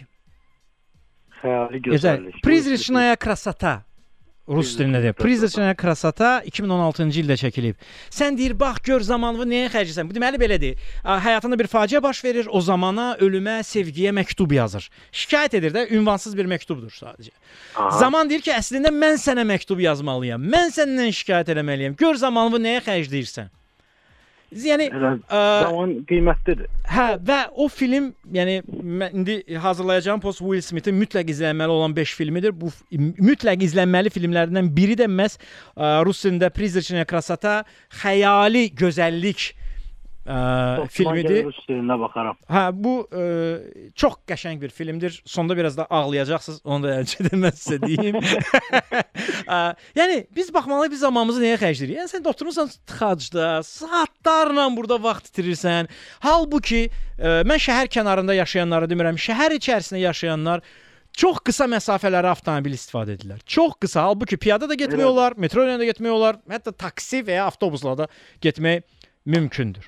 Ə, Bəs İnandım sizi. Aha. Mən sizi o bugünkü bu 2 gündə e, yolları boş görəndə sizin yad, sözünüz yadıma düşürdü. Hansı ki o deyirdiniz, trolleybus, e, qatar olsa belə həqiqətən də bu effektini verər. Yollar belə də boş olar. Bəli, bəli. Yəni, Yəni o da təsirini göstərər təbii ki. Çünki bizdə avtomobilləşmiş ölkə deyilik. Yəni bizdə ə, 11 10 milyon əhalinin 1 milyon 400 mininin avtomobili var. Yəni ə, çox az faizdə avtomobil olan ə, ə, ölkədir. Amma təsəvvür edin ki, məsələn İsveçdə 10 milyon əhalinin 7 milyon avtomobili var. Oy maşallah. Amma orada tıxac yoxdur. Onlardan öyrənmək lazımdır. Ay, o- onlarda da belədir də. Yəni sürmür də qardaş. Saxlayıb orada deyirəm, bu xərcdir, bunu niyə sürürəm ki? Təbii ki. Ə, yaxşı, Həqiqətən sığorta xərc. sığorta ilə hansı problemi yaşamısınız? Sığorta ilə yəni Tural bəy, mən keçən il dekabrda məndə elə bir ki, leasinqdir, leasing şirkətinə aiddir də. Hı hı. Onlarda da ki, bütün avtomobillər bir dənə şirkətə aiddir, yəni hüquqi şəxs sayılır. Hı. Mən keçən e, ay gedəndə sığortalanmağa hər il bilirəm də, mənim e, sığorta haqqım hardasa 75-80 manat arası dəyişir də, hətta elə olub ki, 65 manata qədər də düşən vaxt olub da, artıq mən bu avtomobili idarə edirəm. Amma noyabrın 1-dən yeni qaydalar var. Hə. E, dekabrda yaxınlaşdım ki, nə qədər? Mənə dedilər ki, 150 manat. Sığortaların birində, yəni avtomatik bunu sistem hesablayır. Yəni təbii ki, Bəli. özlərindən demədilər. Bəli. E, dedim niyə belə? Bəs mən hər il bu qədər ödəyirəm də. O mən orada bir xanım əyləşmişdi. O bildirdi ki, sizin sizdə şirkət adınadır. Şirkət adında da olan bütün avtomobillər çoxlu qəza eləyib elədiklərinə görə bu şirkətin e, rüsumu e, qiyməti Bonu elə bir ki, malus sistemi, malus sisteminə uyğun olaraq, hə. E, Çox alıb qiyməti. İnandırım sizə, yəni mən də kör peşman 150 manat ödədim. Yəni ki, Bax, yeni qaydalara əsasən, bax, maşın Bakıda sürülürsə, ə, üzərinə əmsalı hesablanır. Avtomobili bir nəfərdən daha çox adam sürürsə, yəni etibarnamələr onlar verirsə, soruşdu, artır. Ə, Sürücülük təcrübəsinə görə təcrübə azdırsa, əmsal artır. Qəza olubsa, ə, yəni avtomobil kimə məxsusdursa və o adam qəza edibsə, şərt deyil həmin avtomobillə, ümumiyyətlə qəzalar edibsə, yenə də Bildim, ha. orada ə, şey hesablanır. Ə, ümumi dəyər dəyəri qalxmasına gətirib çıxardır. Hə, hə. bəli, bəli, bəli, belə şey var sığortada. Ha, Yəni mən elə də güclü sadəcə bu qiymət baxımından hə biraz e, şok edici, amma bir yaxın adam var, o bu yaxınlarda getdi sığortalamağa. O həmin o e, bayaqçı qardaş dediyi kimi də bu olmuşdu, onun başına gəldi. Yaxınlaşıb ki, bəs mənim sığorta qiymətim nə qədərdir? Qiymətini deyiblər e, və görüb ki, bu 70 neçənci adamdır növbədə. Saat da 3-dür. Ə, sabahsı gün yenə də yaxınlaşıb Onlayn niyə eləmirsiniz ki? Onlayn qaydada niyə? Götürmürlər, Tural götürmürlər. Deyirlər ki, sistem işləmir, ay nə bilim, biz görə bilmirik. Hətta mənə bir onu deyəndə mən qayıtdım dedim, necə görə bilmirik? Yox, ya, say saytdan eləmək olmur, sığorta şirkətinin saytından eləmək olmur. olmur, yox. Nəsə belə deyim də, ə, səhv səhv yazılır da, yəni xəta yazılır, xəta. Yəni ona görə ki, qəbul eləmirlər. Onlar da e, gəlirsən ora deyirlər ki, qardaş, neçənci növbən filan. Hə, nə qədərdir qiymət? Məsələn, deyir 80 manat. Hə, 100 manatlı qardaşın əldə eləsin. Ha, qardaşım niyə? Bunu belə qardaş dediyin elə biraz aşağı elə də. Yəni niyə də bu 40 manat, 50 manat üstünə gəlirlər? E, orada da deyir ki, hə, gəl mən sizin üçün həll eləyim. Dünən efirimizdə çıxan bir dinləyicimiz də belə bir şey dedi. Dedi ki, ortada kimlərsə var, onlar ə, əlavə pul müqabilində Həll eləmək istəyirlər. Həll etmək istəyirlər. Bəli, bəli, mən razıyam. Var, həqiqətən də o neqativ hallar var. Çünki baxır insan da gəlir, deyir ki, yox, mən bu bayaq zaman dediyimiz kimi gəlir, deyir ki, yox, mən bunu 4-5 saat gözlədiyimə işi. Eyb yox, 20 manat, 30 manat üstündə artıq verim, tək tez bazar düzəlsin ki. Həqiqətən də o yaxın adam elə də elədi. 80 manat deyirlər, 105 Sizə SMS gəlməyib ki, məsələn, icbari sığortanızın vaxtı bitir, sığorta müqaviləsi yazılıb, pulu ödəyin, kodunuz budur, icbari sığortanız qüvvəyə minsin. Çünki məndə belə oldu. Mənə SMS gəldi sığorta şirkətindən, ə, konkret deyəcəm, Paşa sığortadan SMS gəldi. İcbari sığortanın məndə müddət də ordadır. icbari sığorta müddətiniz bitir. Ə, sizə yeni sığorta müqaviləsi yazılıb. Müqavilənin ə, qüvvədə olma müddəti budur. Ə, ödəyin, müqavilə qüvvəyə minsin. Mən pulu ödədim. Ə, və müqaviləni də qüvvəyə mindi. Mən heç kimi görmədim, heç hara getmədim. Sadəcə verdiyi kodla ödəniş eləyəndən sonra mənə mesaj gəldi İSB-dən ki, bəs sənin maşının artıq icbari qaydada sığortalanıb. E, Məndə məsələn e, hüquqi şəxs adınadır deyə ona görə Ha. məndə ancaq getməliyəm. Mən özümdən deyirəm də. Yəni Hə, çünki başa mənim kimi eynən e, minlərlə sürücü var da, oradan avtomobil alıb idarə edir, e, aylıq e, şeylə, yol vərəqəsi ilə idarə eləyirlər. Yəni e, məsələ ancaq budur. Yəni sığortanın bu dəqiqə e, problemi, dərdi. Sonra hətta mən sizə deyim yeni ildən qabaq e, bir iki gün qabaqda, yəni bayramlara çıxmamışdan qabaq. İnandırım sizə həmin o Part Bakıdakı ofisində bilirsiniz nə qədər adam var idi, millət var idi. Yalan olmasın bir 50-60 nəfər adam var idi. Aydın. Hamısı da gözləyirdi ki, vaxtım nə vaxt tutacaq. Yaxşı Zar, bu ə, Bir sən yağ dəyişməyə nə qədər pul xərcləyirsən? Yaxşı, de görək Bir sual. dənə çox xahiş edirəm, sual vermək istəyirdim. Məndə elə bir ki, dekabrda e, inşallah Allahın köməyi ilə gələn il dekabrın avtomobilin ödənişi qutarır, bitir. Hı hı. Mən o e, sizin verilişdə onları eşitmişəm. Mən başqa bir şey soruşacağam. Elə bir ki, indi dekabrın 9-u sonuncu ödənişimdir. Deyək ki, mənim e, sığortamın da vaxtı həmin günü bitir də. Tex- tex- Texniki baxış isə 1 il sonra bitir. Mən onu elə bir ki, 2 ay öncədən ödəyib bitirsəm, e, sığorta yenə də qüvvədə qalır da. Yəni mən onu adıma keçirdəndə o sığortadan keçməyə ehtiyac belə. sığorta müqaviləsi yenilənməlidir, bəli. Avtomatik yenilənməlidir. Yəni lap Hə hə. varsa da belə. Hə, hə, yenilənməlidir. Yəni ə, nəqliyyat vasitəsinin sahibi dəyişirsə, siz icbari sığorta müqaviləsini Hə, dəyişdirməlisiniz. Anladım, anladım. Hə, heç nə, çox sağ ol. Təşəkkür edirəm. Amma hara gedirsən qardaş? Ay, yo, yo, heç yerə, hara gedirəm, Hara gedirsən? Yağ dəyişməyə nə qədər pul xərcləyirsən? Ay, təxmini 70-80 manat. Hələ hətta olur filtrlə bir yerdə 90 manat, hətta indi 2000 keçib üstündən. Aydındır. Mən filtr deməyəcəm, amma mən sizə 4 Yo, litrlik kastrol mühərrik yağı hədiyyə edə bilərəm. Çox sadə bir İnşallah. suala cavab versəniz. Bayaqki sualların hamısına cavab vermişdim. İndi görə özümə düşənə nə verəcəm. Deməli belə, magistral yolla gedirsiniz. Aha. Avtomagistralla gedirsiniz. Mhm. Ə, həmin avtomagistrallara yol birləşir. Aha. Ə, həmin birləşən yol, avtomagistrala birləşən yol sağ tərəfdən birləşir. Magistrala sağ tərəfdən birləşir. Heç bir girişsin. Hə? Maşın girəcək yoxsa mənim çıxışım üçün birləşir? Yo yo yo yo, A- avtomobil gəlir. Yəni magistrala Gəlir. qoşulan Aha, yoldur. aha, Aa, təkrar edirəm, qoşulan yol sağ tərəfdədir. Aha. Heç bir üstünlük nişanı yoxdur. Deyin görək, burada yolun kimdə olması üçün hansı elementlərə fikir verəcəksiniz? E, yol ilk növbədə yolun e, genişliyinə. Yəni ki, e, ilk növbədə onun Mən, mən bunu mən bu mən bu cavabı saymıram. Elə bir ki zarafat eləyirdiniz. Aki genişliyin bura nə aidiyyəti var? Keçdik burdan. Çünki mən əli boş yola salmaq istəmirəm. Qanunla nəzərdə tutulmuş məqamlar var ki, sən buna mütləq baxmalısan. Nədir bu? Bax, E, iki, mən öz iki, yolumdan avtomagistralda gedirəm. Sən öz yolun isə o da öz yolu ilə gəlir. Amma sizi avtomagistrala birləşən yolda ə, o sağdan gəlir. Üstünlük nişanı yoxdur. Hansı elementlərə fikir verərək, hansı elementlərə fikir verərək müəyyənləşdirəcəksiniz ki, yol kimdədir? E, necə müəyyənləşdirəcək ki, yol kimdədir? Yəni düşünüm.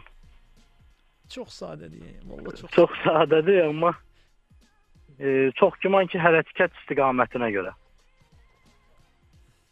Eləmin Əgər də belə də, yanılmıramsa. eləmin də belə də, eləmin də belə də. Balaca bir dənə ipucu. Nəyə baxmaq olar? belə- Yolda nəyə baxmaq olar ki, biləsən ki, sən üstünsən, yoxsa o üstündür? Yolda nəyə baxmaq olar? Hə. Bu nişan da nişan, yox, yoxdur. nişan yoxdur. Üstünlük nişanı yoxdur. Çox güman ki, Hey guys, it is Ryan. I'm not sure if you know this about me, but I'm a bit of a fun fanatic when I can. I like to work, but I like fun too. It's a thing. And now the truth is out there. I can tell you about my favorite place to have fun Chumba Casino. They have hundreds of social casino style games to choose from, with new games released each week. You can play for free anytime, anywhere. And each day brings a new chance to collect daily bonuses. So join me in the fun. Sign up now at chumbacasino.com. No purchase necessary. Group. Void were prohibited by law. See terms and conditions. 18 plus. You need parts? O'Reilly Auto Parts has parts. Need them fast? We've got fast. No matter what you need, we have thousands of professional parts people doing their part to make sure you have it. Product availability. Just one part that makes O'Reilly stand apart. The professional parts people. Auto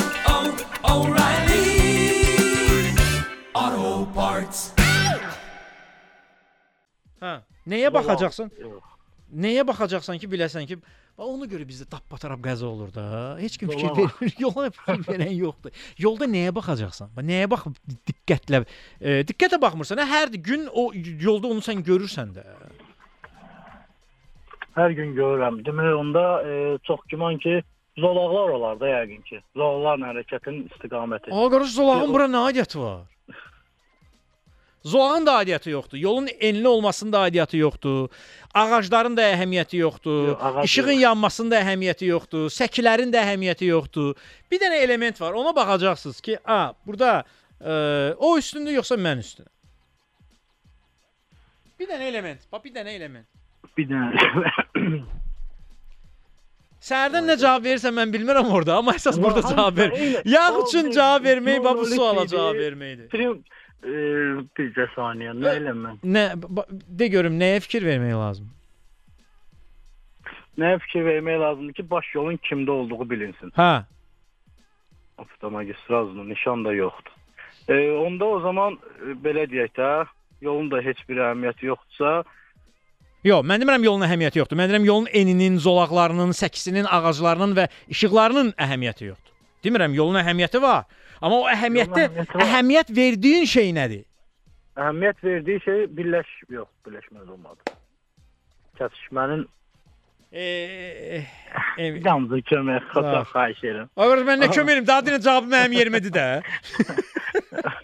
İnandırım sizi. Bayaqdan gözləyirəm ki, görüm nə sual çıxacaq. Hamısından sualın cavabı ö- məhz öz cavabında Ə, ona görə sən özünə Yox, fokuslan qardaş. O o, o digərlərin sualından niyə Hə, fokuslanırsan? Yəni o canlı deyil, ona görə. Aha. Nəyə fikir verəcəksən? Son Nəyə fikir şans. Hərəkət istiqamətinə. Yəni onun necə gəldiyinə. Eee Bir balaca çox xahiş edirəm. Bir Za dənə şans. Yo yo yo, daha nə şans verim sizə? də bu- Yəqin ki onun e, Hə. istiqamətinin Hətər baş salım. Fikrimdə deyə dilimin ucundadır baş salmaq, cümləni qurmaq məsələsi.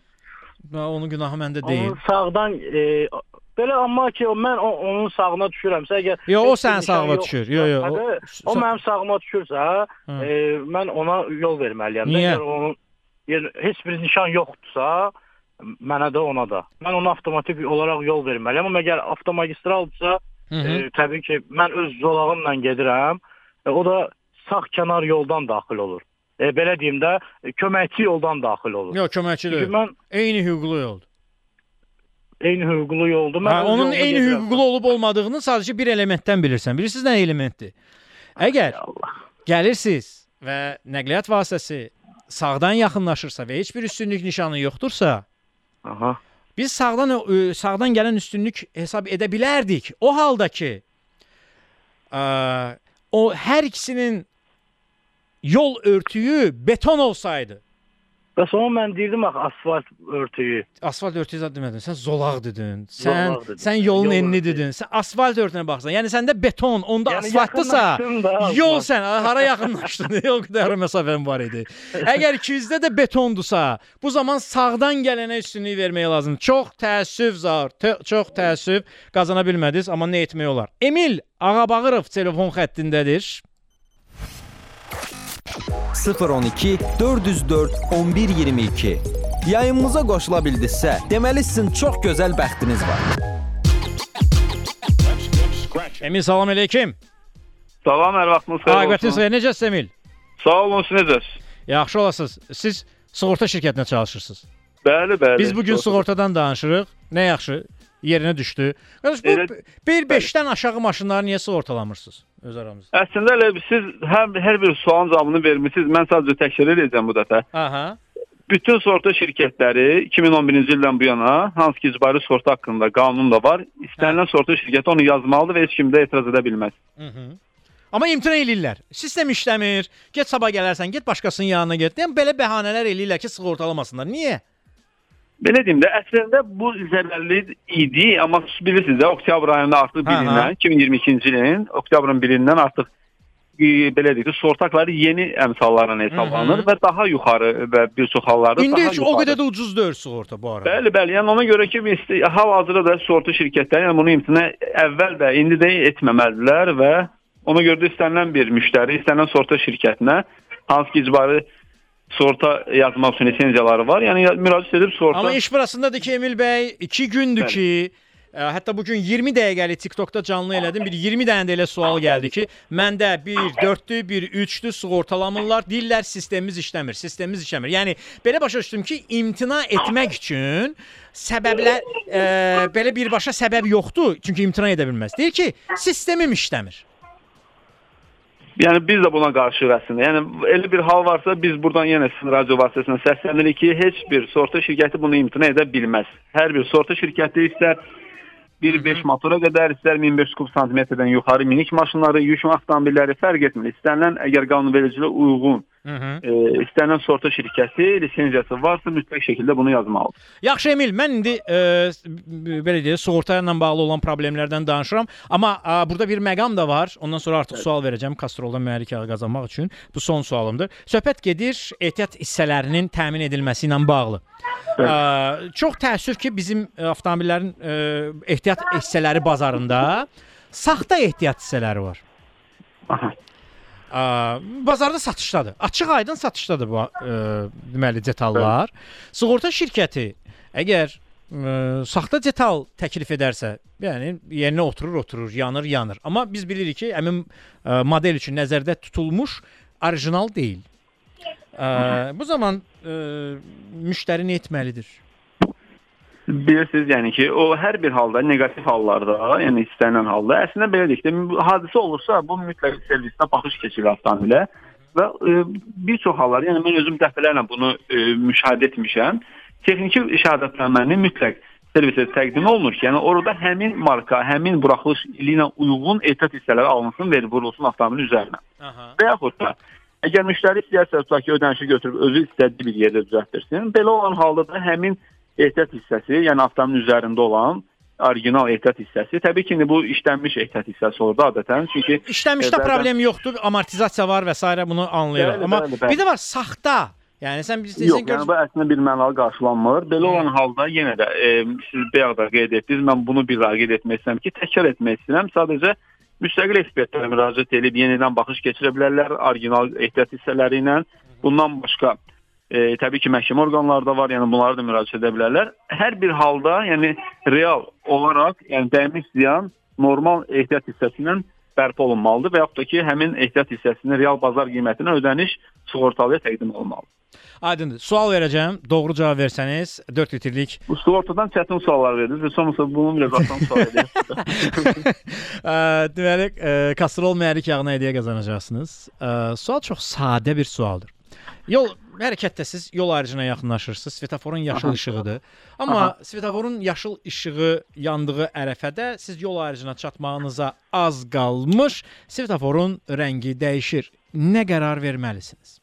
Təbii ki, e, svetoforun rənginə uyğun olaraq addım atmalıyıq. Çünki biz bilirik ki, svetoforun, e, işıqforun e, rəngləri və yaxud da ki, onların nişanları bizim üçün qanundur.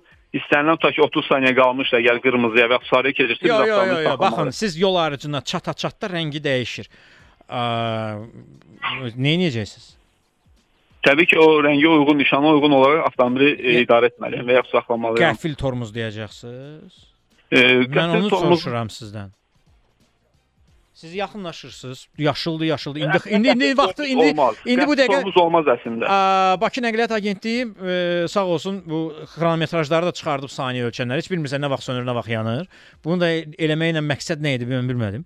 Nəysə zarafat ellər arada bir bizlə, amma yenə də e, biz yumor hissi yüksək olan xalqıq. Bu zarafatları bəzən başa düşürük. Deməli gəldi, çatdıq yol ayrıcına çata-çatda, dəng dəyişdi. Sənin də hərəkət sürətin bir 40-dır. Nə edəcəksən? Əslində lap qəfil belə deyək, lap az bir məsafə qalıbsa, mən qəfil tormuz etmək qanunun olmaz. Biz hərəkət davam etdirməliyik. Təbii ki, yenə də ehtiyatımızı qorumaq şərtilə. Amma qəfil tormuz təbii ki, olmaz. Cavabınız indi nədir? Siz 2 dənə cavab verdiniz. İndi dediniz ki, Cavabım svetofor əslində tab lap olur az ha. məsafə. O birisində dediniz ki, e, yolumu davam edirəm. Nə edəcəksiniz? İkincini seçirəm. Çünki bilsinə görə əgər az məsafə qalıbsa, qəfil tormuz təbii ki, olmaz. Yolu davam etdirməliyəm.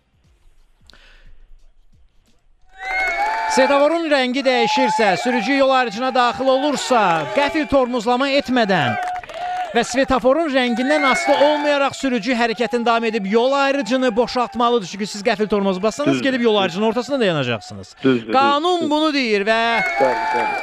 Təşəkkür edirəm. 4 təşəkkür litrlik kastrol mühərrik yağı sizə hədiyyə olunur. Emil, ə, olun. nə qədər çıxırdı xərciniz ə, mühərrikə? Təxminən 100 manat ətrafında olurdu. Oyda 100 manat qabaqsa. Təbrik edirəm sizi. Çox sağ olun, var olun. Sizdən də biz elə biz hədiyyə qazandırıq, həm də maariflənib qazanırıq sizdən. Təşəkkür, Təşəkkür edirəm. Çox sağ olun Emil. Minnətdaram. Olun, Çox sağ olun zənginizə görə. Təşəkkürlər.